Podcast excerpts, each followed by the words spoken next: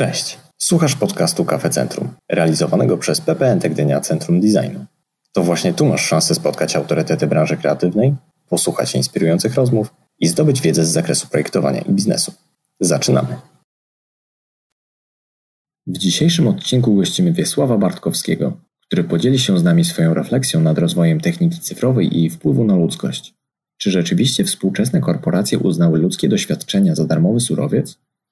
Dzień dobry, witam serdecznie wszystkich. Mam nadzieję, że tam ktoś jest po drugiej stronie i coś słyszy, e, bo ja lubię mieć publiczność, którą widzę, bo kontakt e, z ludzką twarzą, z oczami, popatrzenie wam w oczy to dla mnie jest niezwykle ważna sprawa. Ja po oczach widzę, czy, czy, czy mówię to, co powinienem mówić i czy faktycznie jest to interesujące i do tego dostosowuję tempo i rytm wykładu, więc przepraszam, jak będę przynudzał, bo nie widzę waszych oczu.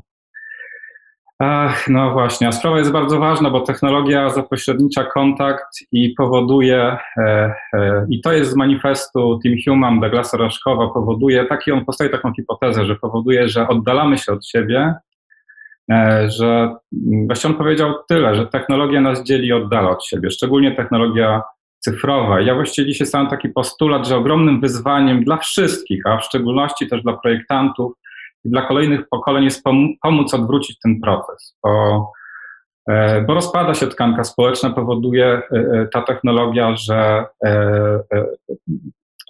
że stajemy się w pewnym sensie mniej ludzcy, czyli dehumanizuje społeczeństwo w pewnym sensie.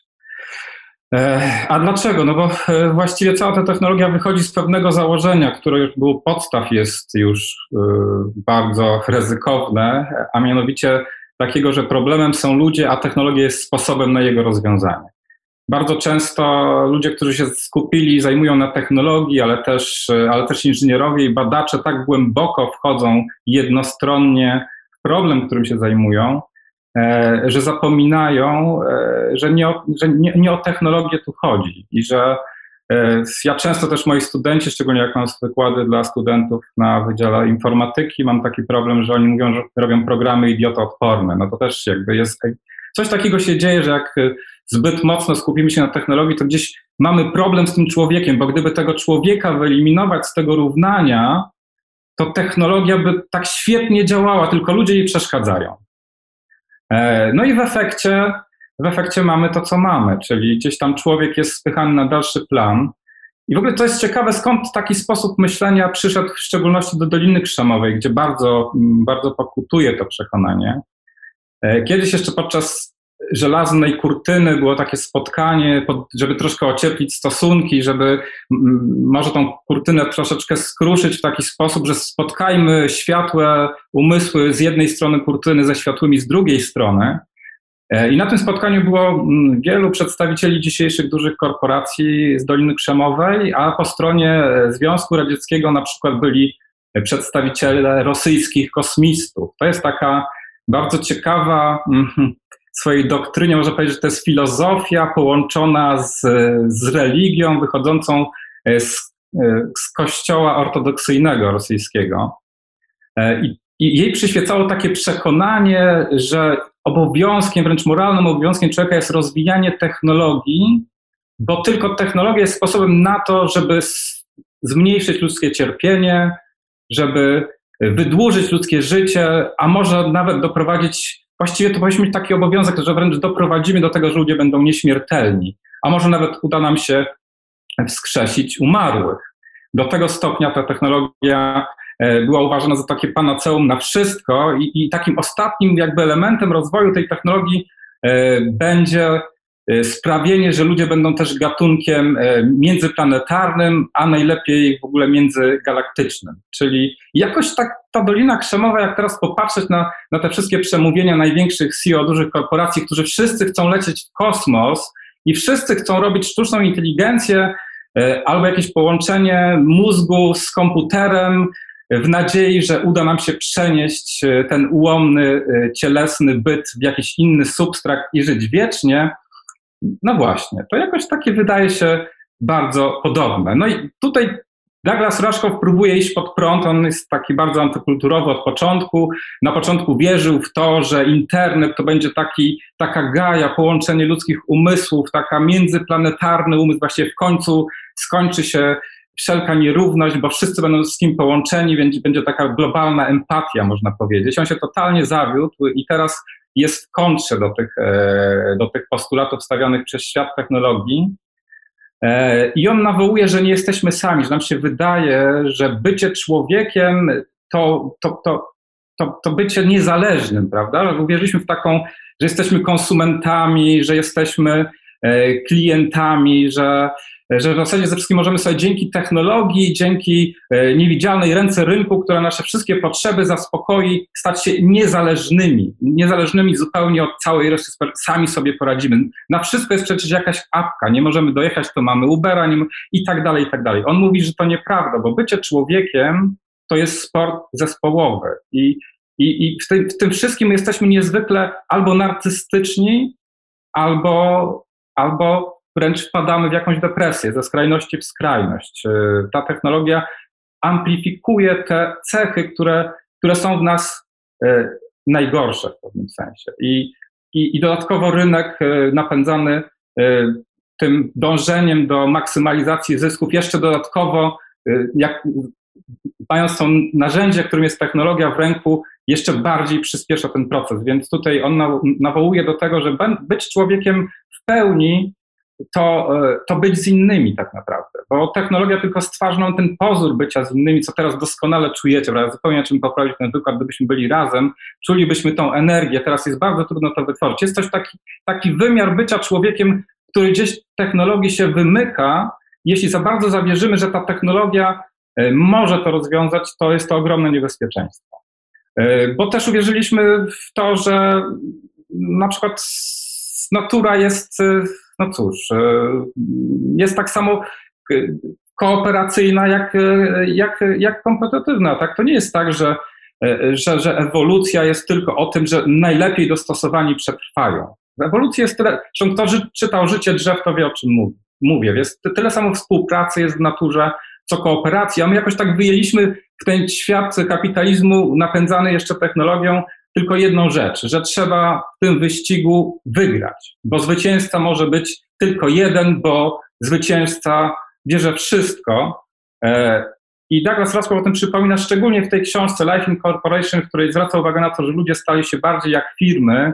Jest taka moda na, na przykład na markę indywidualną, prawda? posiadanie marki. Przecież marka to jest coś zarezerwowanego dla firmy. I nagle ludzie chcą być jak firmy, chcą mieć logo, a firmy nagle uzyskały takie prawa, jakie, jakie miały do tej pory ludzie, czyli mają możliwość, y, y, są bytem prawnym w, takim, w pewnych obszarach na równi z człowiekiem. Czyli w zasadzie to są takie metaorganizmy, które, y, które w naszym świecie mogą naprawdę bardzo dużo, podobnie jak mogą ludzie. Czyli firmy stały się bardziej jak ludzie, a ludzie, stały się, ludzie stają się bardziej jak przedsięwzięcia, jak korporacje. My ciągle robimy jakieś projekty, prawda? Już nie żyjemy. Jakby każdy etap naszego życia, nawet kiedyś się mówiło, mmm, pojadę na jakąś wyprawę, prawda? Teraz się nie jeździ na wyprawę, teraz się realizuje kolejny projekt, wszystko nazywa się projektem, więc jakby, czyli, czyli yy, gdzieś te języki się pomieszały, życia prywatnego z życiem korporacyjnym. On też bardzo tutaj piętnuje, y, jak, jak,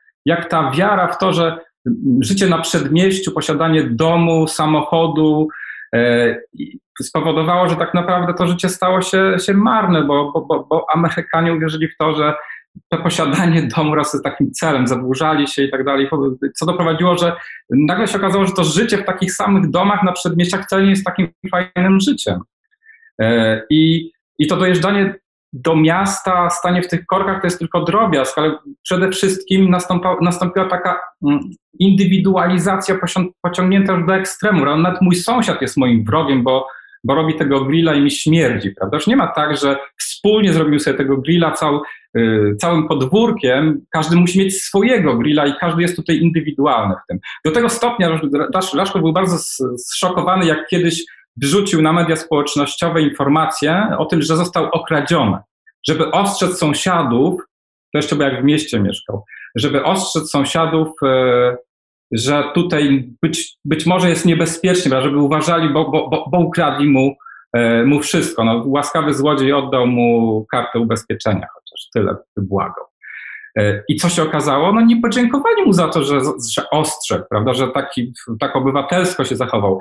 Dostał strasznego bana i dużo hejtu, ponieważ wszyscy stwierdzili, że przez niego za chwilę spadnie niewartość nieruchomości w tej okolicy.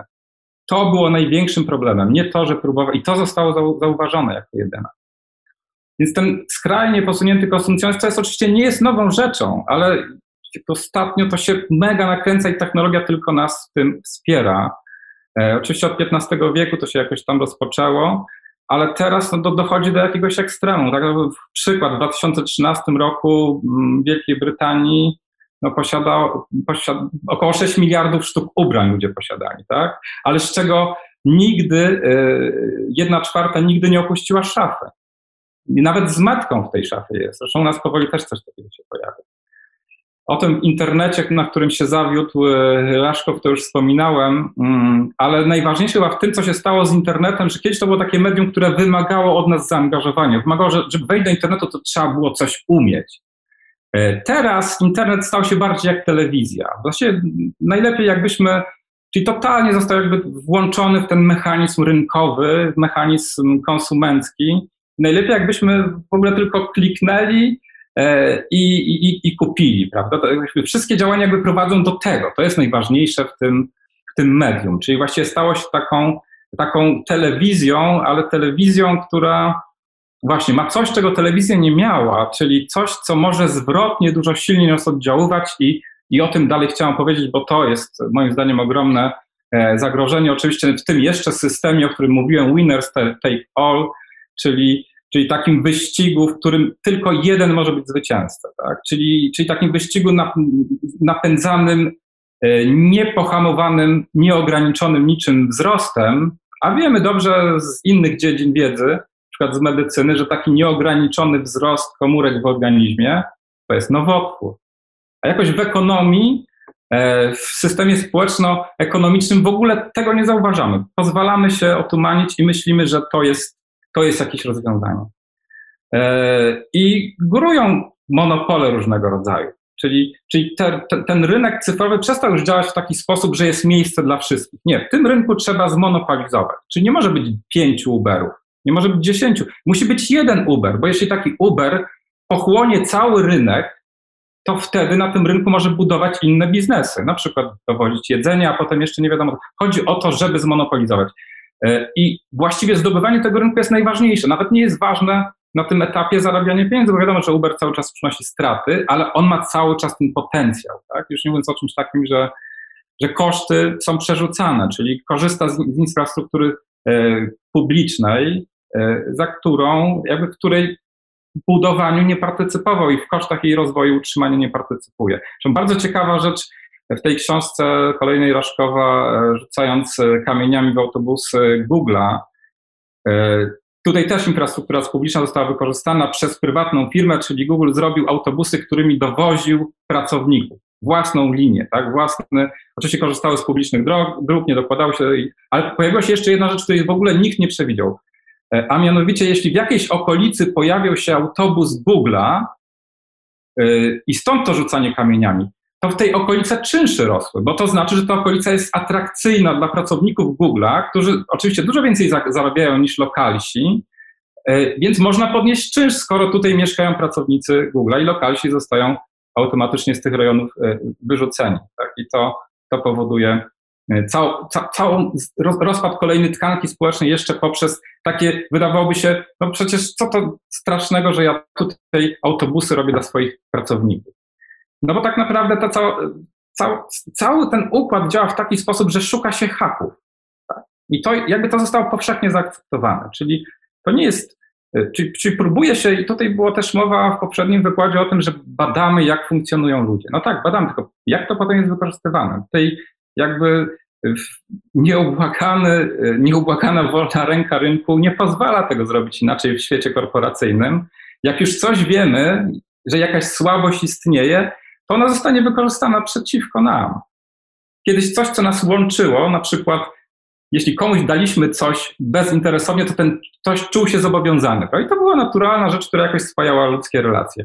Teraz dostajemy coś niby za darmo, ale de facto pod tym jest jakiś hak, czyli dostajemy jakąś usługę za darmo, a jesteśmy z czegoś okradani. Jest jakiś hak, który się pod tym kryje, którego nie jesteśmy świadomi. Czyli ten mechanizm, który służy do, nam do, do łączenia ludzi, teraz e, ludzi tak naprawdę separuje i oddala od siebie. E, I słusznie tutaj zauważyła Szuszana Zubaw, e, co prawda trochę późno to zauważyła, bo to się wydarzyło w 2001 roku, ale jakoś ten termin, który ona ukuła, czyli surveillance kapitalizm, kapitalizm inwigilacyjny, przebił się do mediów. E, I, i to, to jej duża zasługa, że zrobił się wokół tego, wokół tego szum, wszyscy o tym mówią. No bo, bo nastąpiło coś, pewne bardzo niebezpieczna mutacja, bo kapitalizm cały czas mutował od tego właściwie 1914 roku się zaczynał coraz bardziej rozkręcać, mutować, zyskiwał nowe formy, stał się kapitalizmem cyfrowym, a teraz ta kolejna mutacja, można powiedzieć, że to jest kapitalizm inwigilacyjny, który dobrze określa takie określenie, kiedyś ty przeszukiwałeś Google'a, no a teraz się zmienił model biznesowy i Google przeszukuje ciebie. Czyli wkroczyliśmy w erę surveillance capitalism.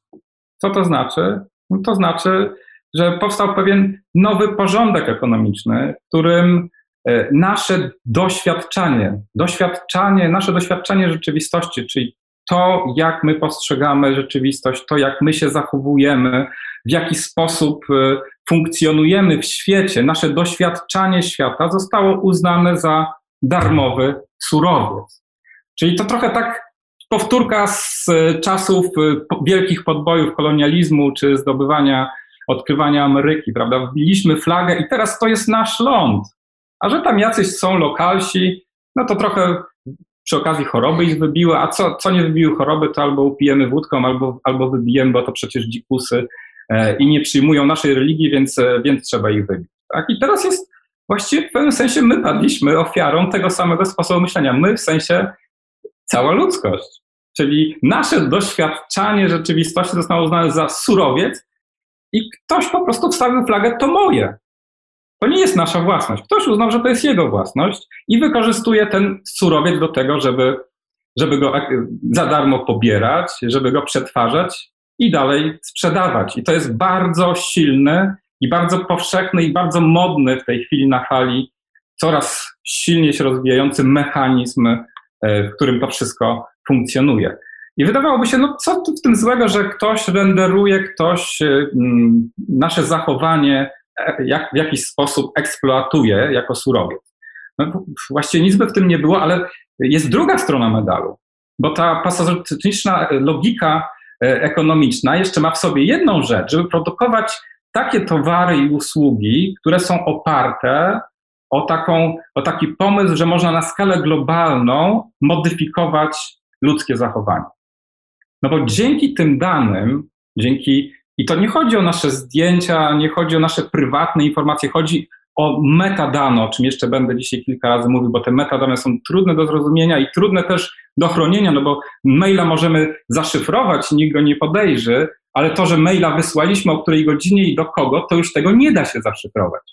To z kim się połączyliśmy, rozmowa telefoniczna jest zaszyfrowana, ale z fakt przeprowadzenia tej rozmowy, ile ona trwała i z kim ją, tego nie da się, czyli nie jesteśmy w stanie ukryć naszych metadanych, a one mówią o nas niezwykle dużo i w, e, konsekwencji w pewnych aspektach nas, naszego życia taki system gromadzący te dane wie więcej o nas samych niż my wiemy o sobie, więc znajduje pewne słabości w naszym, e, w naszym sposobie funkcjonowania, myślenia, w naszym, e, w naszym podejściu do życia, pewne słabości, które może wykorzystać jako rodzaj zachęty, pokusy, sposobu na zmanipulowanie naszego zachowania, nawet bez, bez naszej wiedzy. Nie jesteśmy świadomi, że ta manipulacja w ogóle e, następuje. I to jest w pewnym sensie niespotykane w historii ludzkiej. Czegoś takiego jeszcze nie było, bo nigdy nie mieliśmy do czynienia z aktywną technologią. Technika, technologia rozwija się, już od dawna wszyscy mówią, no dobrze, ale to nic nowego, no prąd też zmienił naszą kulturę i nasz sposób życia, maszyna parowa, tak, tylko to wszystko są technologie pasywne. A tu mamy po raz pierwszy do czynienia z taką technologią, która może aktywnie z nami wchodzić w dialog, jest interaktywna, może dostosować się do naszego zachowania i może modyfikować aktywnie nasze zachowanie, co w efekcie doprowadziło do kilku rzeczy. Po pierwsze, ogromnej nierównowagi e, dochodów. No, w tej chwili najbogatsi ludzie na świecie mają taką ilość e, bogactwa, że można ich tylko porównać do królów z czasów świętości królów. Ale nawet królowie nie mieli takiej wiedzy, ponieważ król, król nie wiedział wszystkiego o każdym ze swoich poddanych. A tutaj jest taki potencjał, że dzięki analizie danych behawioralnych, dzięki analizie metadanych, możemy wiedzieć o każdym z osobna więcej niż ta osoba wie o sobie. Czyli jeszcze oprócz tej nierówności, e, nierówności dochodu, mamy ogromną nierówność e, w dostępie do wiedzy, bo my nawet nie wiemy, co te systemy o nas wiedzą i nikt nam tego nie chce udostępnić z różnych powodów. Raz, że nie chce, a dwa, nawet, że nie umie. E, to też jest bardzo ciekawe, że w pewnym sensie te systemy to wiedzą, ale nie bardzo jest jak to podejrzeć w niektórych sytuacjach. Co jeszcze bardziej jest niespotykane w historii i jeszcze bardziej niebezpieczne moim zdaniem. Czyli można powiedzieć, że wytworzył się pewien e, nowy system ekonomiczny, e, w którym właśnie ten surveillance ekonomii jest podstawą tego systemu, tego, tego systemu, w którym ta cała ekonomia E, cyfrowa jest napędzana i inne zresztą, e, inne też dziedziny życia próbują to naśladować. Niestety to, to się robi modne i to jest jakoś tam zaraźliwe. I w pewnym sensie można powiedzieć, że to jest też e, niebezpieczeństwo dla naszej ludzkiej natury w tym sensie, jak można powiedzieć, że w XX wieku kapitalizm taki klasyczny doprowadził do zdegradowania świata naturalnego. No i w XXI wieku trochę mamy za swoje w pewnym sensie, bo, bo kapitalizm cyfrowy, kapitalizm inwigilacyjny doprowadza do degradacji ludzkiej natury w podobny sposób jak tamten kapitalizm wcześniejszy doprowadził do degradacji środowiska naturalnego. Co więcej, pojawiła się nowa nowy rodzaj władzy. Władzę, która, którą e, Szyszana Zubow nazywa instrumentar, e, polegającą na tym, że mamy pewne instrumentarium, pewien zestaw technicznych narzędzi, które pozwalają ten rodzaj władzy sprawować. I to jest ogromne wyzwanie dla e, demokratycznego rynku, ale w ogóle dla demokracji jako takiej i dla suwerenności, tak naprawdę, dla naszej wolności wyboru i wolności stanowienia o sobie, bo, bo, bo to jest niewyobrażalna władza. My jeszcze sobie nie zdajemy z tego sprawy, jak potężne to jest narzędzie i jaką ono daje kontrolę, ponieważ w całym tym narzędziu chodzi o to, żeby, e, żeby doprowadzić system do totalnej przewidywalności, totalnej pewności. Oczywiście to jest na, cały czas napędzany motywacją biznesową, w której chodzi o to, ok, mój biznes, ja za, bo w biznesie chodzi głównie o ryzyko, tak? Jakie, jaka jest szansa, że biznes mi nie wyjdzie? No gdyby każdy biznes w 100% wychodził, no to wszyscy byliby milionerami, prawda, czy miliarderami. E, no ale niektórzy mają w ręku narzędzia, które powodują, że zwiększają szanse, że ten biznes wyjdzie. I o to w tym chodzi, tak O to chodzi w tej modyfikacji behawioralnej. Nie chodzi tylko o to, żeby dostosować produkt jak najlepiej do potrzeb swojego konsumenta, różnych potrzeb, również emocjonalnych, co padło na poprzednim wykładzie, ale też chodzi przede wszystkim o to, żeby mieć pewność, że ten biznes wyjdzie.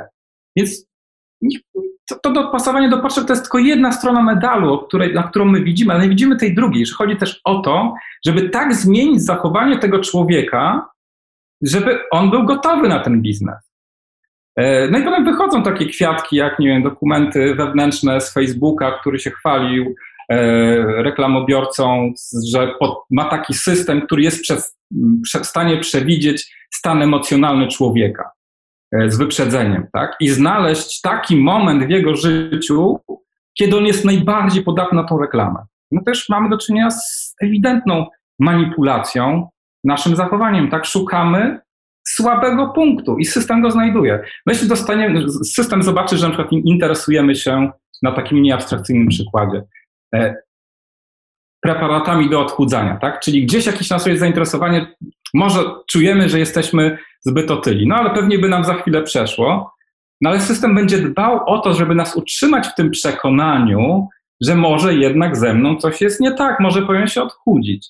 I kiedy system już będzie widział, że, e, że właściwie algorytm wytrenowany, sztuczne sieci neuronowe i tak dalej, machine learning, będzie widział, że człowiek jest w tym momencie, że jest gotowy kupić produkt na odchudzanie, to wtedy ten produkt mu się pojawi.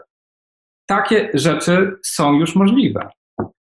E, więc jeszcze raz, to jest naprawdę krytyczny moment, e, ostatni, żeby się obudzić i zastanowić nad tym, czy my chcemy iść tą drogą, bo za moment możemy się obudzić w takim świecie, gdzie, gdzie, gdzie technokratyczne podejście do zarządzania społeczeństwem poprzez to całe instrumentarium, które wokół nas zostało wytworzone, część tego instrumentarium nosimy w kieszeni, część jest na masztach w mieście, część jest e, w serwerowniach. To wszystko jest system, który wcześniej nie istniał. Teraz on jest gotowy do tego, żeby go uruchomić w tym trybie.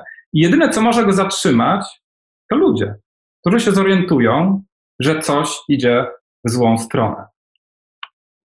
E, I na szczęście mamy pierwsze przykłady takiego buntu. Tu Edward Snowden jest chyba takim dobrym przykładem.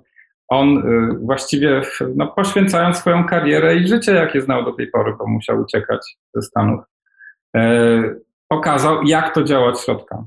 I można powiedzieć, że to jest takie stwierdzenie, że to, co on pokazał, to pokazał, jak na początku, po 19, po 9-11, e, po World Trade Center, no właściwie rząd poczuł się słaby, że nie ma pewnej infrastruktury. Tutaj on mówi wyraźnie o tym, że brali zewnętrznych kontraktorów z korporacji, którzy pomagali tworzyć ten system. To już nie byli e, ludzie, którzy pracowali z, jakby z powołania, byli ludźmi, którzy byli częścią tej machiny wywodzącej się ze struktur państwa.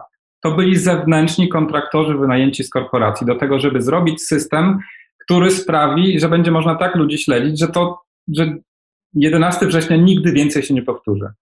Żeby to umożliwić, zrobiono też no, chociażby Patriot Act i parę jeszcze innych ustaw, które pogwałciły amerykańską konstytucję i przymknięto na to oko.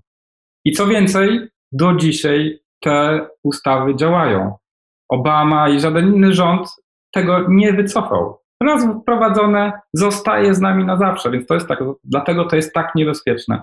I w pewnym sensie doszło do tego, że na początku rząd zgłosił się po pomoc do korporacji, a teraz w pewnym sensie można powiedzieć, że, że, że, że, rząd stał się ramieniem korporacji.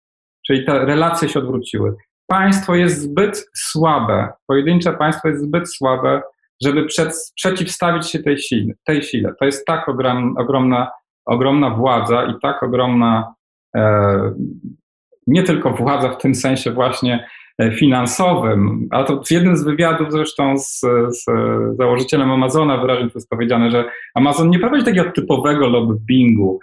O, Amazon po prostu jest przydatny rządowi, bo dostarcza rządowi bardzo lukratywnych i ważnych do podejmowania decyzji danych na temat swoich klientów. Więc to naprawdę jest zupełnie inny rodzaj relacji. Zresztą e, jeden, Mac, e, Macmin, e, jeden z wczesnych inwestorów Google'a, Facebooka, przepraszam, on wyraźnie mówiąc, zresztą próbował zatrzymać jeszcze przed Cambridge Analytica, spotkał się nawet, próbował się spotkać z Zakiem, z Markiem Zuckerbergiem, żeby przekonać go, żeby jeszcze jest czas na zmianę. Nie udało mu się tego zrobić. Chociaż kiedyś był bardzo zaufanym doradcą, bo kiedyś Mark przyszedł do niego, to wyraźnie opisuje w tej książce, poradzić, jak, jak Facebook po raz pierwszy miał, e, e, miał taką możliwość, żeby, żeby go sprzedać za, za miliard dolarów. To faktycznie był, było, było duże wahanie, czy tego nie zrobić, duże naciski, ale oczywiście e, Zak miał ostateczną decyzję w tej kwestii, więc poszedł do niego się, się poradzić. No i Roger mu radzi, że słuchaj, jeśli naprawdę wierzysz w to, co robisz, to jest twoją pasją, wierzysz w to, co robisz, to nie sprzedawaj. I on nie sprzedawał. I znajomi, którzy oczywiście byli na spotkaniach z Markiem Supergargiem, mówią mi, że to jest niezwykle sympatyczny człowiek i on naprawdę wierzy w to, co robi. Pytanie tylko, czy on wierzy we właściwą sprawę.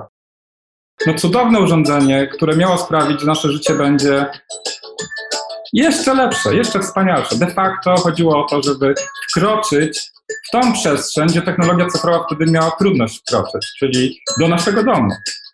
No bo oczywiście jest jasne, że przez przeglądarkę, przez wyszukiwarkę, przez Gmaila przecież system czyta nasze maile.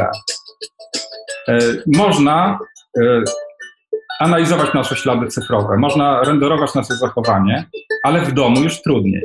No i nagle pojawia się urządzenie, które świetnie to robi.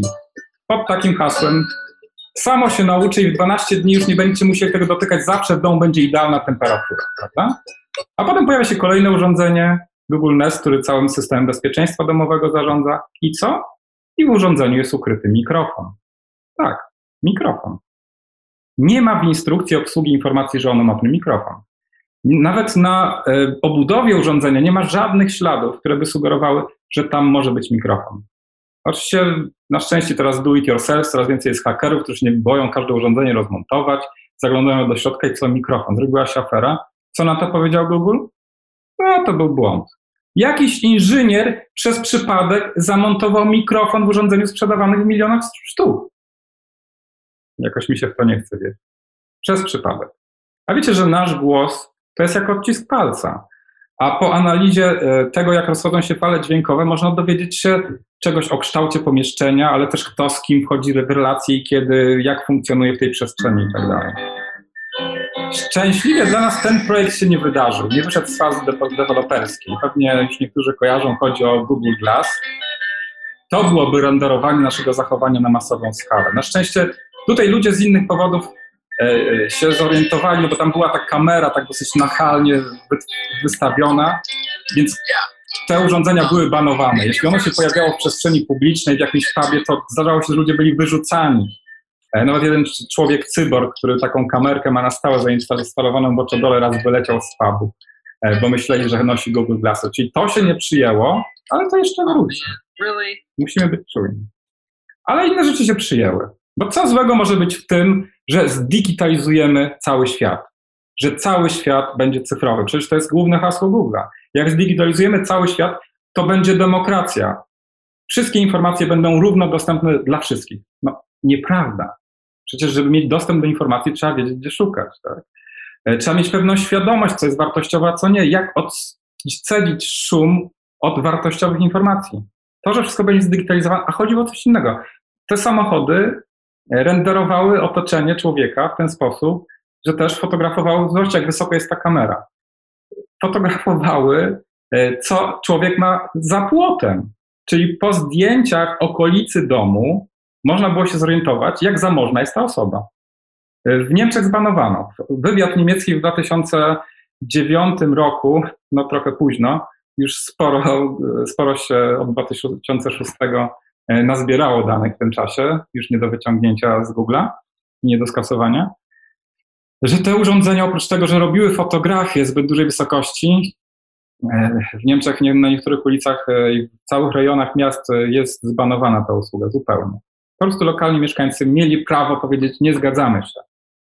E, ale oprócz tego, że zdjęcia były robione, ktoś, i znowu Google powiedział to przez przypadek, był założony router, e, który skanował domowe e, routery Wi-Fi. To były czasy, kiedy routery Wi-Fi nie były zabezpieczone hasłami, więc to urządzenie podłączało się przy okazji robienia zdjęć do domowych routerów Wi-Fi i potem w analizie wyszło wywiadu, ale potem też niezależne komisje to potwierdziły, że kradli nie tylko e, informacje o e, tym, jak nasza sieć domowa się nazywa, ale również jak udało się jakieś dane zastać z dysku albo przebić jakąś komunikację mailową, to też było zasysane do systemu. I co? Było powiedziane, że to jakiś inżynier sobie zrobił eksperyment, przez pomyłkę ten tam router został przy tych wszystkich Google karach zainstalowany i teraz to już zdeinstalują, na pewno teraz już nie będą nas śledzić. E, I naprawdę to się stało tak modne, E, nawet firmy produkujące odkurzacze. iRobot stał się takim sukcesem, co drugi dom w Stanach Zjednoczonych ma ten odkurzacz. Zobaczcie sobie, jaka to jest potęga. Co drugi dom, nawet e, Dyson tak dobrze się nie sprzedaje, co drugi dom ma iRobota, głównie Rumbę. I w którymś momencie, w 2017 roku, szef iRobota ogłasza, że zmieniają strategię biznesową, że teraz się nastawią na dane. No ale żeby to zrobić, to oczywiście trzeba było zupgrade'ować oprogramowanie. No ale żaden problem, tak? Wysyłamy do ludzi informacje, słuchajcie, robimy upgrade oprogramowania. No, oczywiście małym druczkiem, licentem. Ktoś przeanalizował, żeby, żeby tylko pierwszą część, bo tam oczywiście było jeszcze z 300 różnych odnośników, ale żeby tę główną, e, główne warunki usługi przeczytać trzeba było 40 minut. Przeciętnie czytali 10 do 15 sekund, czyli nie wiedzieli na co się zgadzają, ale zgadzali się natychmiast, bo dzięki temu upgrade'owi zupełnie za darmo, słuchaj, za darmo. Dostają coś takiego, że odkurzacz będzie lepiej sprzątał, będzie wiedział, gdzie jest brudno. Nie będzie nam wpadał pod nogi, bo wiemy, w których miejscach domu, kiedy i w których godzinach przebywamy, więc tam nie będzie jeździł. Zrobi plan mieszkania, będzie wiedział, gdzie jest kuchnia, przedpokój, salon i możemy powiedzieć do niego komendą głosową: robocie posprzątaj w kuchni teraz. I on znajdzie tą kuchnię, nie trzeba go uczyć, gdzie jest kuchnia. No ale oczywiście w umowie było napisane, że robot może udostępniać za pośrednictwem firmy iRobot dane innym podmiotom. I oczywiście w Google i nie tylko w Google wszyscy się zapisali w kolejce po te dane, metadane, bo oczywiście nich naszej gołej fotki, bo oczywiście główną, głównym sensorem tego robota jest kamera. Kamera jest najlepszym sensorem, to tutaj akurat Musk ma rację. E, I ta kamera robi zdjęcia, żeby nawigować tym robotem po naszym domu, ale żadnej gołej fotki gwarantuję wam nie wyślę, bo nie chodzi o to. Nie, nasza prywatność nie polega na tym, że ktoś chce nasze gołe fotki złapać. Nasza prywatność polega na tym, żeby zrozumieć, że nie tylko treść komunikatu jest prywatnością, ale jak ten komunikat jest sformułowany, jakich słów używamy, kiedy to robimy, w jakiej przestrzeni to robimy, czyli to na przykład, jaką powierzchnię ma nasze mieszkanie, no to jest metadana na temat naszego mieszkania. Nikt nie wyśle dokładnie zdjęć naszego mieszkania, ale że jak wyśle metraż, to już dużo o nas mówi. Jak wyśle, kiedy w tym mieszkaniu przebywamy, jak, z jakim natężeniem, w których pomieszczeniach, to jest ogromna informacja na nasz temat. Także to, te metadane mają wartość, bo one lepiej przewidują nasze zachowanie niż treść komunikatu, niż ta naga fotka. I żeby nie być gołosłownym, to przytoczę wypowiedź generała, e, który Haydena, który był e, za czasów jeszcze Edwarda Snowdena szefem CIA i NSA, dwóch najpotężniejszych instytucji w Stanach Zjednoczonych, czyli bezpieczeństwa wewnętrznego i wywiadu. I co on mówi o metadanych? we kill people based on metadata. Okay, we kill people based on metadata. Okay, we kill people based on metadata. Tak. I mogę Wam dać link do całego wywiadu. Tutaj jest oczywiście rozmowa o bezpieczeństwie danych, o tym, czy faktycznie wywiad powinien do metadanych mieć dostęp i na jakich zasadach, bo okazuje się, że ma dostęp do danych wszystkich Amerykanów w pewnych sytuacjach. E, I to jest tak precyzyjne narzędzie, że faktycznie wywiad Stanów Zjednoczonych w oparciu o same metadane jest w stanie tak dokładnie przewidzieć ludzkie zachowanie, że używa ich do tego, żeby wysłać drona i kogoś zabić. I to nie jest żart. E, I to jest opisane w, przez świetnego E, dziennikarza śledczego, jak cała ta sytuacja wyglądała od podszewki, jak on nawiązywał kontakt z Edwardem Snowdenem, to jest nawet lepiej niż Permanent Record, bo tam trochę Snowden siebie robił na bohatera. Tutaj jest jak było naprawdę i, na, i, i to jest jeszcze bardziej przerażające.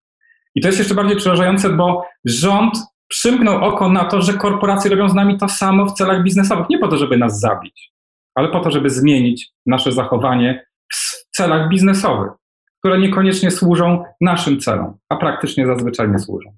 I to jest niespotykane w ludzkiej historii. Czegoś takiego nigdy nie było. I czas się zbuntować i zawalczyć. E, I pojawiają się takie, zresztą tutaj Douglas Raszkow, to jest znowu jego świetna książka, ja na podstawie tego trochę układam ten termin materii kodu, on mówi o uzyskaniu dostępu do panelu kontrolnego rozwoju cywilizacji, czyli jak my trochę zrozumiemy, jak ta technologia działa, nie będziemy się bali nawet nauczyć trochę kodować po to, żeby zrozumieć, jak te systemy działają, jak ten kod napędza całą tą infrastrukturę, to odzyskamy głos y, w dyskusji na temat naszej przyszłości. I o to w tym chodzi. Coraz więcej takich projektów powstaje.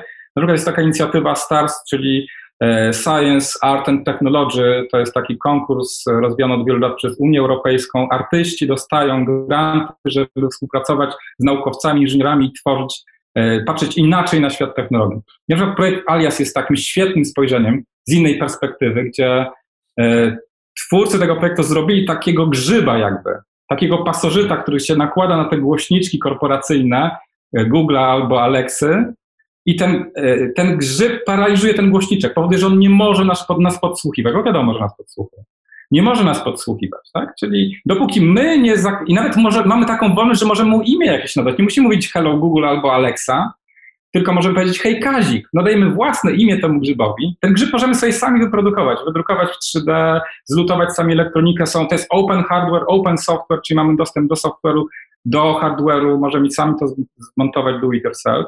I tym sposobem robimy metatechnologię, która broni nas przed technologią korporacyjną. I oczywiście jest to jakiś ruch oporu, jest to jakiś, jakiś aktywizm, no ale to trochę tak jak z tym nie kupujmy, prawda, plastikowych reklamówek, e, bo tak uratujemy świat. No nie. Nie zmieniając e, całej mechaniki działania gospodarki, my tego świata nie, nie Więc to jest tylko głos. To jest tylko głos, e, żebyśmy zrozumieli, że trzeba inaczej i że tak naprawdę społeczeństwo jest systemem złożonym i że siła jest w tym, w samoorganizacji, że faktycznie działania oddolne mają sens, jeśli potrafimy się zorganizować na większą skalę e, i oddziaływać na polityków, żeby zmienili e, politykę, żeby zmienili tą relację, jaką ma państwo z korporacjami, a może nawet pójść dalej i doprowadzić do zmiany systemu, jeszcze sprawdzę ile mam czasu, społeczno-ekonomicznego. O, jeszcze chwilę. No bo technika nie jest obojętna etycznie. Ona niesie wartości jej twórców, o tym nie należy zapominać. I ona jest też celowo produkowana czasami w ten sposób, żeby, a właściwie prawie zawsze ostatnio, żeby nas od siebie uzależnić. By design. Zresztą to jest świetna książka, która dokładnie de demaskuje te wszystkie mechanizmy. I z tej książki jedna rzecz mi bardzo utkwiła. Eksperyment na kotach. E który pokazuje, że jeśli w odpowiednim momencie rozwoju mózgu nie będziemy mieć odpowiedniej stymulacji, tam były koty umieszczone w pomieszczeniach, które miały tylko pionowe i poziome linie. I ten kot, siedząc pół roku czy tam trzy miesiące w takim pomieszczeniu na początku swojego życia, potem wyjęty stamtąd, e, nie potrafił już funkcjonować w normalnym świecie.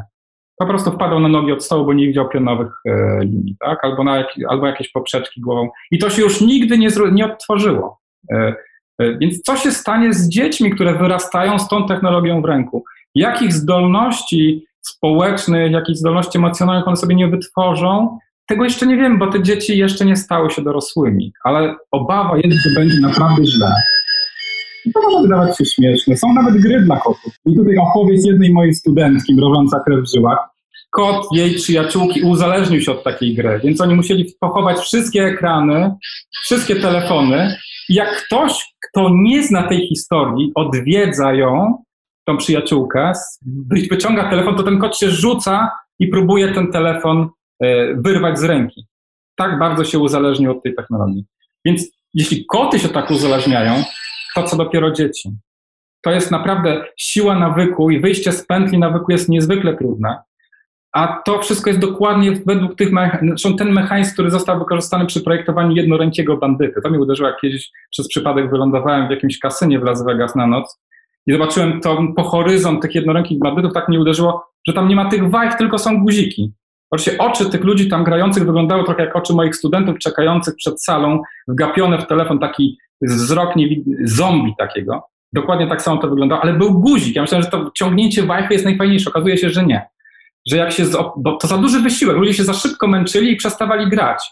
A kasyno 40% swoich, nie, nawet 60% niektórych kasyna swoich dochodów mają z tych jednorękich bandytów. I okazało się, że jak wajchę zamieniliśmy na guzik, to 40% wzrosły dochody, bo ludzie dłużej grali.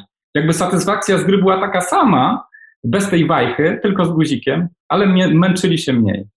I te same mechanizmy są wykorzystywane do tego, żeby optymalizować nasze uzależnienie od technologii, żeby ta technologia formowała w nas pewne, e, pewne nawyki.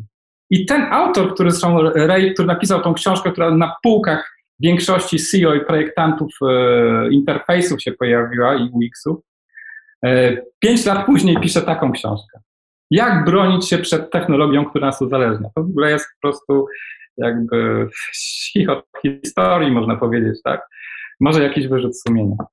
No i rower dla umysłu, tak? Rower dla um- Steve Jobs, no, świętej pamięci. Dużo, ale czy to jest technologia, która zbawiła ludzkość i zmieniła jakoś na lepsze?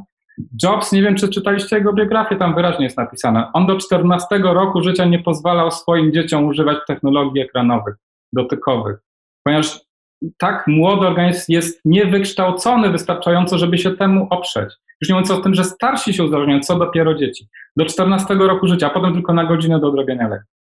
To o czymś mówi. No i pojawiają się takie filmiki w internecie i to wygląda, że o, jakie fajne, 5 milionów odsłon taki film. No niby śmieszne, tak? Dziecko myli książeczkę z, z ekranem. próbuje pinczować, taczować, no, płacze, bo, bo książeczka się zepsuła. To jest przerażające. Ja widziałem taką scenę, dziecko nie chciało wyjść e, z placu zabaw, rodzic nie mógł tam wejść, 30 zł za godzinę, dziecko tam wbiegło bez wiedzy rodzica, nie chciało wyjść, żaden lizak, żaden cukierek, nic nie pomagało. Rodzic wyciągnął telefon, w tym momencie to trzyletnie dziecko, nie pięcioletnie, na oko, pięć lat. Rzuciło się na szyję taty, wzięło ten telefon szczęśliwe, nie musiał tata go nawołać w ogóle. Tak, sam telefon jest takim lepem. Naprawdę nie róbmy tego dzieciom. I dorośli są, nie, nie są bezpieczniejsi. To, co GPS robi z naszym mózgiem, polecam przeczytać. Wcześniejszy Alzheimer, problemy z osobowością, już nie mówiąc o tym, że drogi nie potrafimy znaleźć, że nie rozumiem, w jakiej żyjemy rzeczywistości, bo mapa nie jest terytorium. I to, że musimy wszystko zrobić natychmiast, to jest też by design. Taki prezent szok, ludzie nienawidzą, jak mają te czerwone powiadomienia, że muszą, e, muszą odklikać, bo tam mają kolejne prawda, powiadomienia. Natychmiast, tak, na Facebooku, wszędzie, natychmiast musimy zareagować, bo jak napiszemy kilka dni później, to już, to już nie jest ważne. No ale właśnie taka natychmiastowa Kahneman dostał za to Nagrodę Nobla czyli fast mind, slow mind, tak? Czyli, czyli jeśli robimy natychmiastową reakcję, to kierujemy się emocjami. A jak kierujemy się emocjonalnie, to jesteśmy przewidywalni w masie. Tak, jak kierujemy się emocjami, jesteśmy bardziej przewidywalni niż jak kierujemy się rozumem, bo dopiero kierując się rozumem możemy wymyślać takie rzeczy, na które system nie jest w stanie zareagować. Więc e, kierujmy się właściwym czasem, czyli kairosem, a nie kronosem, czyli czasem narzucanym nas nam przez technologię cyfrową. Zresztą no czas jakby ten cyfrowy rytm z nas jakby wyrwać, ten offline, który się staje modny. Właśnie o to chodzi, żeby oderwać się od tego narzuconego, odgórnie wymuszonego na nas nieludzkiego, cyfrowego rytmu działania. My nie działamy w tym rytmie. My, dla nas jest ważny kairos. To jest ten czas, według którego kieruje się człowiek. Czas, kiedy jest odpowiedni czas na odpowiednie rzeczy, a nie wtedy, kiedy zabije zegar. To jest narzędzie kontroli. E, I tu się pojawia jeszcze jedno ciekawe sformułowanie przy okazji tej książki Present Shock, w którym Douglas Laszkow mówi, że artyści stali się geekami. Oni hakują tę technologię i pokazują e, inny świat, pokazują jak ten świat technologii jest złudny, piętnują pewne rzeczy, a programiści stali się performerami. Właściwie można powiedzieć, że, że oni robią eksperyment na żywym organizmie nieustająco. Tak? Czyli bawią się zapałkami, wdrażają nie ma żadnych procedur sprawdzania, czy ta technologia nie zrobi ludzkości krzywdy, czy eksperyment na dwóch miliardach ludzi technologiczny nie, nie, nie wywali społeczeństwa przy okazji do gór nogami.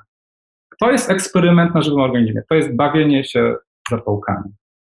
Bo świat cyfrowy w takiej masowej skali, polecam tę książkę, to jest świetnie to wyjaśnione, ma takie właściwości jak świat analogowy. To cybernetyka świetnie już y, udowodniła, że analogowe układy ze sprzężeniem zwrotnym są nieprzewidywalne w swoim działaniu. To samo dzieje się w tej chwili z systemami cyfrowymi, które, no cóż, można powiedzieć, że sztuczne sieci neuronowe, które teraz stały się takie modne dzięki machine learning, to jest nieludzki sposób percepcji, to jest nieludzka interpretacja rzeczywistości, to jest nieludzka inteligencja. I to jest jakoś kuszące, bo to jest, jak ja próbuję trenować takie sieci i próbuję z tymi modelami sieci neuronowych eksperymentować. To jest jeden z moich eksperymentów. Plamy e, zamieniałem na ludzkie twarze. Próbowałem, jakby system, który wytrenował się na rozpoznaniu ludzkich twarzy, w plamach widział ludzkie twarze. I to jest, ten obraz mnie uderzył naprawdę. To jest nieludzki sposób widzenia plam. W plamie w pewnym sensie można powiedzieć jakiś tak ostatni krzyk, taki, taka metafora, ostatnia chwila, żeby z tym coś zrobić.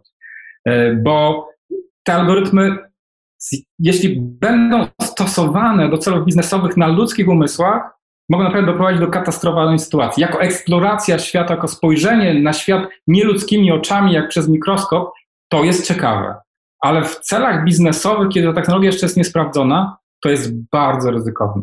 Tu inne spojrzenie na moją twarz. E, sieć została wytrenowana na zdjęciach dzieci i próbowała w zdjęciach dzieci zobaczyć moją twarz, której tam nigdy nie widziała i zobaczcie, tu się pojawiły różne takie artefakty, których tam nie było. Czyli tak sieć idzie w takie strony, które dla nas są bardzo emocjonalne i to, to robi, to jest jakby nieludzka interpretacja. Nie robi tego w żaden, tam nie ma żadnej świadomości, tam nie ma żadnej celowości, to jest statystyka, to jest czysta przypadkowość, ale przy tak złożonym systemie ona doprowadza do powstania artefaktów, które my możemy interpretować emocjonalnie, które na nas mogą bardzo oddziaływać.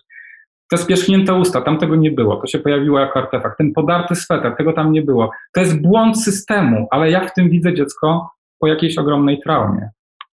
Eee, I to jest niesamowite, że te narzędzia z jednej strony pozwalają na tak skomplikowane rzeczy, ale z drugiej strony są niezwykle prymitywne. To jest czysta statystyka, korelacja. Dla tych systemów one nie potrafią rozumieć konsekwencji działania, nie, nie potrafią y, wnioskować o przyczynowości.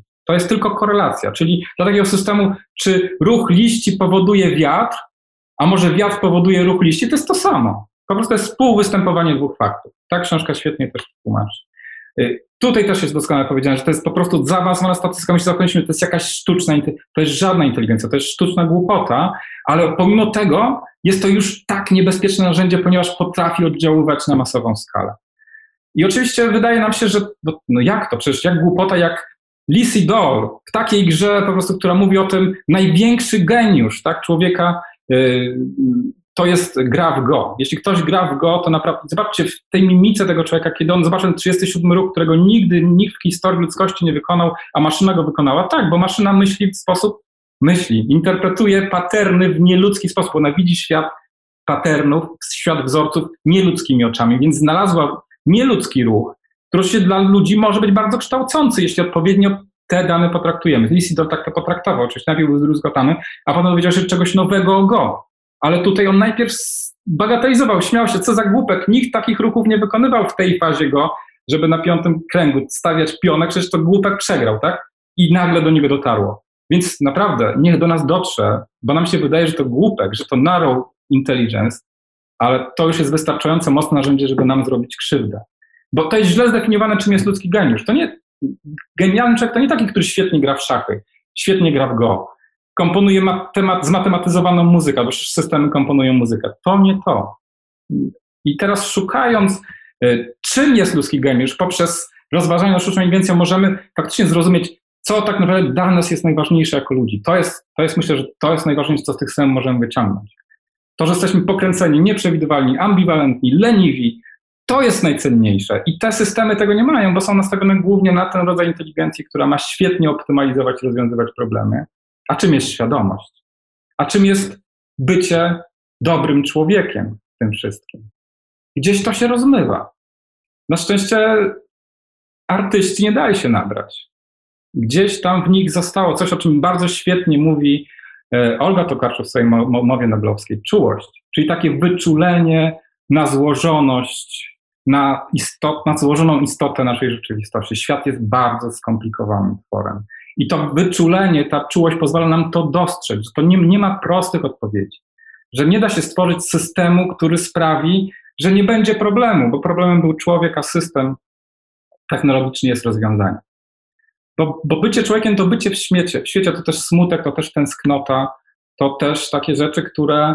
No właśnie, a co się w międzyczasie wydarzyło? W międzyczasie mamy nowy y, Sputnik moment, czyli jak Rosjanie wysłali na pierwszego satelity na orbitę, to Amerykanie się przestraszyli i tak się rozpoczął y, wyścig w kosmos. Tak? I oczywiście wiele do nowych, świetnych technologii dzięki temu powstało, ale przez, to, przez tą przegraną w go, bo tam, y, że Koreańczyk przegrał, to dla Chińczyków nic nie znaczyło, ale najlepszy gracz, chiński mistrz, też przegrał.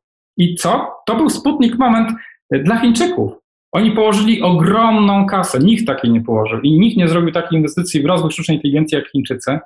Oni uważają, że to jest technologia i to jest bardzo niepokojące, że tak jednostronnie. Chociaż też są dobre głosy. Kai Fuli na przykład mówi, że, e, że, e, że on próbuje przekonać rząd chiński, on jest jednym z największych inwestorów w tej dziedzinie, e, założył oddział Google'a w Chinach, teraz jest głównym inwestorem w technologię uczenia maszynowego. On przekonuje, że to, co automatyzacja zrobi, rozwój tych technologii E, technologii może być użyty do tego, żeby rozwijać społeczeństwo. I nam się z perspektywy, my tylko widzimy z perspektywy europejskiej jedną rzecz. Ten scoring system, tak, że Chińczycy są przez tą sztuczną inteligencję, cokolwiek to znaczy przez machine learning, e, dostają taki score, tak, jak, czy jesteś dobrym obywatelem. Na podstawie tego różne rzeczy mogą albo nie mogą. I nam się wydaje, że to jest taki orwellowski świat. A wiecie, ja przejechałem przez Chiny na rowerze e, z północy na południe. Oni to inaczej widzą. Dla nich to jest czasami ratunek, bo to społeczeństwo tak się rozpadło podczas tej szybkiej transformacji e, ekonomicznej, że tam nikt nikomu nie ufa. Ufa się tylko najbliższej rodzinie. Jak mamy taki system scoringowy, to możemy popatrzeć, o, ten gości ma wysoki score, to ja może mogę zrobić z nim biznes. O tym nikt nie mówi. E, I najważniejsze w tym wszystkim to, czego nie automatyzować. Czyli co powinno zostać domeną ludzką i nigdy żaden system tam nie powinien się pojawić. To jest najważniejsze pytanie, a nie czy, czy robić scoring system, czy nie. Czego nie automatyzować? End of love. No właśnie, nie automatyzować relacji międzyludzkich. Już widać skutki takich, e, tak, skutki kulturowe takich, e, takich relacji, jak na przykład przez, przez Tindera ludzie zawierają, czy przez, przez inne media, które powodują, że ludzie są dobierani tak jak e, reklama do profilu użytkownika, czyli w pewnym sensie my się reklamujemy i z drugiej strony do tej reklamy machine learning dobiera odpowiednio pasujący wzorzec, czyli innego człowieka. I nagle się pojawia coś takiego, że o nie, nie możemy zainwestować emocjonalnie, bo będziemy bankrutami. Czyli pojawia się ghosting na przykład. Czy ludzie się tak będą inwestować, że oczywiście udają zależność, a nagle się okazuje, że totalnie znikają. Nie wiem, czy znacie to zjawisko. E, po prostu nagle e, wasz partner, którego gdzieś tam dostaliście za pomocą tych, tej technologii, znika z dnia na dzień. Po prostu. Mieszkaliście razem, wydawało się, że idzie w dobrą stronę, znika bez słowa, bez kartki, telefon nie działa, na mediach wszystko pokasowane, nie ma żadnego kontaktu i wyjaśnienia.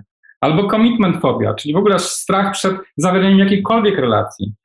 No i tak dalej, dalej można by wymieniać. Także to wpływa na to, jak wchodzimy w relacje. To wpływa na to, jak ludzie kochają. Czy nie posunęliśmy się za daleko? I ważne, żeby tą technologię prze, transformować tak, jak to powinno być, czyli żeby ona wzmacniała naszą inteligencję. My nie potrzebujemy maszyny partnera, też jest dużo mowy o tym, że zróbmy e, jakieś boty, z którymi będziemy mogli gadać jak z ludźmi. To byłoby najgorsze, co by się ludzkości wydarzyło. Jeśli bot niech zostanie botem, ma być narzędziem, które wzmacnia naszą inteligencję, a nie jest substytutem człowieka. Gary Kasparow świetnie to pokazał, bo on co dostał łupnia od komputera, a potem powiedział, że dzięki systemom komputerowym on nauczył się lepiej grać w szachy. I co więcej, człowiek grający razem z komputerem w szachy, w takim teamie człowiek i komputer, wygrywa z komputerem. Czyli człowiek razem z komputerem jest lepszy niż komputer. To jest ciekawe. Czyli trzeba jakoś wartości społeczne, włączyć społeczeństwo w tą pętlę rozwoju technologii, o czym świetnie mówi Stuart Russell, jeden z twórców sztucznej inteligencji. On mówi, że, że tak naprawdę tworzenie funkcji celu dla algorytmu uczącego się, dla takiego machine learning, bo to właśnie tak się robi, to, to, to jest tak de facto wstawianie jakiejś wartości, pokazuje, że to może wszystko wywalić do nogami. Tam pokazywał taki przykład odkurzacza, który dostawał nagrodę, jak zbierał więcej śmieci. I w którymś momencie odkurzacz padł na pomysł, że on może wypluwać te śmieci i ponownie je wciągać. Nikt nie przewidział takiego zachowania, a one maksymalizowało tą funkcję. I Stewart też nas ostrzega, że to samo dzieje się teraz w świecie mediów społecznościowych. Czyli tak to, to, to, to uczenie maszynowe, zwane potocznie sztuczną inteligencją, działa w środowisku, którym są nasze umysły. Czyli optymalizuje funkcjonowanie naszego umysłu pod cele biznesowe, czyli aktywnie zmienia to, jak funkcjonuje społeczeństwo w celu maksymalizacji krótkoterminowych zysków ekonomicznych, bez patrzenia dalej, co się stanie w przyszłości rzędu 20, 30, 100 lat, gdzie społeczeństwo jako całość skończy w wyniku tego eksperymentu. Bo międzyludzkie interakcje są mediowane poprzez technologię, poprzez nieludzkich aktorów. To nie jest tak, że technologia nas łączy ze sobą, ona aktywnie formuje ten komunikat. Niektóre dane są ukrywane, inne są generowane przez technologię, ten zalew fake newsów, ale nie tylko. Łączenie faktów. To, co widzimy na przykład na feedzie, jest generowane pod nas przez jakiś system. To nie jest nasz wybór. I ten system technospołeczny kształtuje, ta, to nasze uczestnictwo w sieci kształtuje naszą percepcję rzeczywistości, percepcję świata, zmienia nasze postawy, zmienia nasze zachowanie, zmienia nasze widzenie świata. I nie ma dobrego rozwiązania. E, jak przeczytacie Bostroma, to jest to zawsze katastrofa.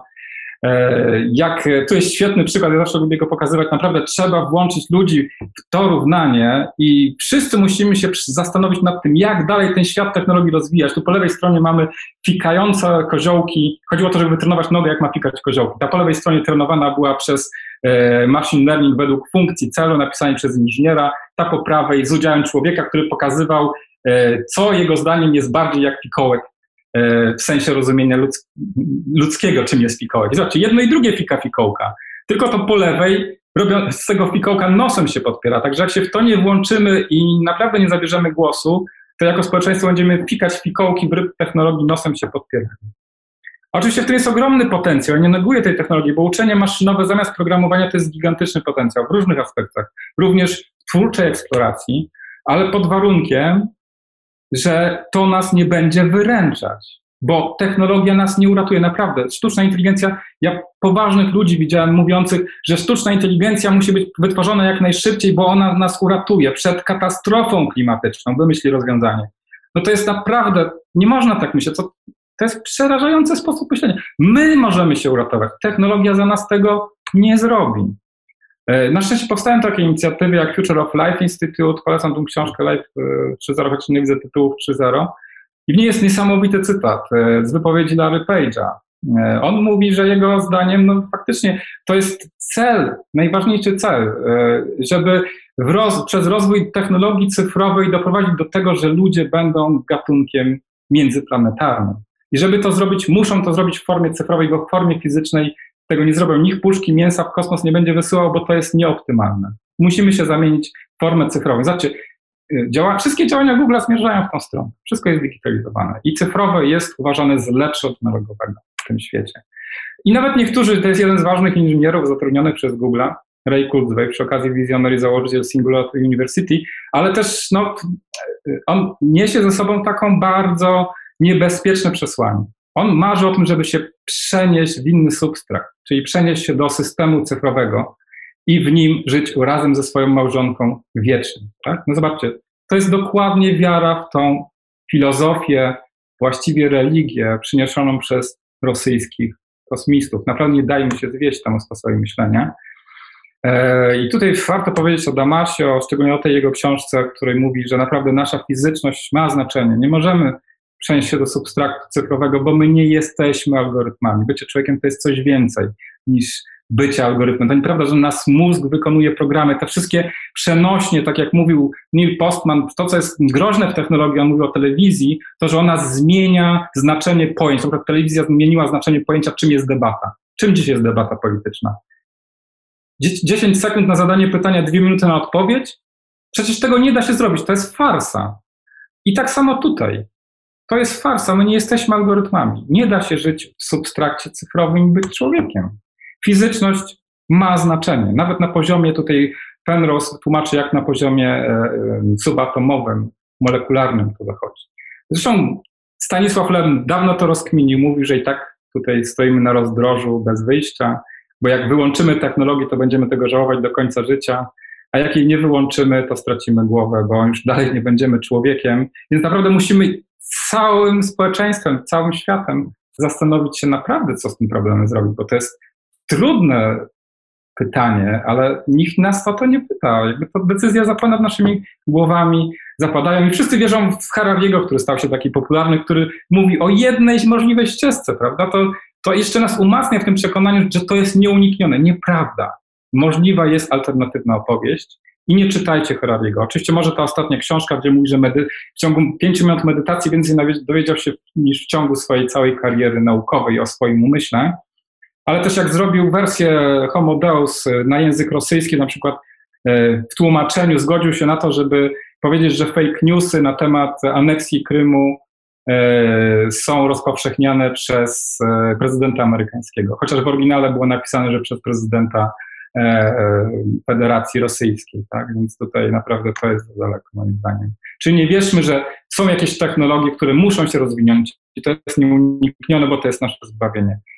Są alternatywne możliwości, bo tak naprawdę to wszystko u zarania jest już e, poblokowane. Ja nazywam to syndrom blokowania wyobraźni, cytując realizm kapitalistyczny, czyli w pewnym sensie zaczęliśmy wierzyć w to, że nawet łatwiej nam sobie wyobrazić koniec świata, zagładę ludzkości niż koniec kapitalizmu, czyli koniec systemu, w którym, w którym dzisiaj żyjemy.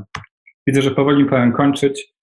E, no właśnie, bo to nie jest ta technika, która, e, która nas rozwija, bo tutaj jest takie nastawienie, żeby wszystko było łatwe w użyciu, jak najłatwiejsze użycie. Nie o to chodzi.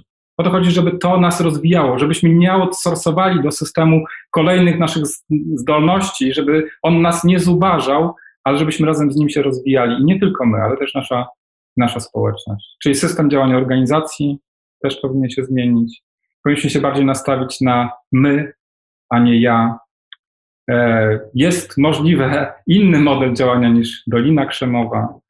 E, I tak no jedyna różnica między tym, co jest możliwe, a co jest niemożliwe, jest w naszym umyśle. I tutaj polecam stałą książkę Edwina Bendyka, w której to bardzo dobrze ujmuje, ale też mówi o takim bardzo niebezpiecznym zjawisku, które nazywa proletaryzacją, czyli my stajemy się uczestnikami kultury, y, ale w takim sensie, że jesteśmy wszyscy tacy sami, bo, ta, bo te systemy tworzą dla nas taką, można powiedzieć, papkę. Właściwie wszystko jest do wszystkiego podobne i konsumenci stają się do siebie podobni. Właściwie to, co jest unikalne i wyjątkowe przez ten system jest, y, y, jest jakoś rugowane, a to, co jest takie same, jest wzmacniane. I nawet dotyczy to klasy średniej, czy, czy nawet uczestników, czy nawet pracowników kultury. Czyli w pewnym sensie, tak jak y, rzemieślnicy na taśmie produkcyjnej Forda z wszechstronnie uzdolnionych ludzi zostali zamienieni w kogoś, kto y, bezmyślnie powtarza jedną prostą czynność i jest łatwo zastępowalny, to samo w świecie cyfrowym dzieje się z nami, jak pod dyktando systemu konsumujemy kulturę na zasadzie kliknij podpowiedź, co obejrzeć dalej naprawdę zostajemy takimi samymi konsumentami, w tym sensie proletariuszami kulturowymi, e, podobnie jak to się stało z e, fabrykantami, z ludźmi, którzy pracowali w fabryce. No i wracając na zakończenie do, do Olgi Tokarczuk. Po prostu brakuje nam nowych sposobów opowiadania o świecie. Nie jesteśmy sobie w stanie wyobrazić nowej, alternatywnej rzeczywistości. Brakuje nam języka. E, bo ideologia jest najważniejsza, jest kluczowa. Nawet w swojej najnowszej książce Thomas Piketty, który mógł napisał o nierównościach w swojej książce o, kapita o kapitale, teraz mówi też o kapitale w połączeniu z ideologią. Jak zostaliśmy tak naprawdę uformowani przez pewne ideologie, w które uwierzyliśmy, że jedyny możliwy świat to jest świat e, kapitalizmu i wolnego rynku. I on na przykład postuluje, że można by wprowadzić, już jest, już jakby świat na to jest gotowy technologicznie i i strukturalnie, żeby wprowadzić socjalizm partycypacyjny. A słowo socjalizm źle się kojarzy, ale musicie przeczytać tę książkę, żeby to zrozumieć. Musiałbym kolejny wykład, ale naprawdę inny świat jest możliwy i nie tylko Olga Tokarczuk o tym mówi. Coraz więcej jest na szczęście takich głosów. Więc kończąc, bądźcie pokręceni, nieprzewidywalni, nie podążajcie za algorytmami, podążajcie za innymi ludźmi, znajdźcie innych ludźmi i swoimi wszystkimi działaniami starajcie się wspierać te powyższe jak najmocniej wyłączajcie częściej telefony i nie zostawiajcie ich w sypialni. I oczywiście, żeby zrozumieć, bo to strasznie trudno wytłumaczyć, jak dziwny jest sposób widzenia rzeczywistości tych algorytmów uczenia maszynowego, jak, jak te sztuczne sieci neuronowe widzą świat. Więc y, jednym z elementów wystawy, który Wam jeszcze zaproponowałem podczas Gdynia Days wraz z zespołem, to nie tylko to, co widzicie w przewodniku, ale jest osobny link zdamcie.com, gdzie możecie wziąć udział w doświadczeniu online i na własnej skórze, na swojej twarzy doświadczyć, jak te algorytmy działają i co zrobią z waszą twarzą i z waszymi metadanymi. Przy czym różnica jest taka, że my wam potem pokażemy, co my odkryliśmy, korporacje wam tego nie pokazują. Ciekawe, pierwsze statystyki pokazały, że ludzie czytają ten regulamin, który zamieściliśmy, w którym mówimy wprost, jakie będziemy robić manipulacje. Korporacje w swoich regulaminach to ukrywają małym druczkiem i wyobraźcie sobie z Facebooka czy Google'a, wszyscy korzystamy i ufamy.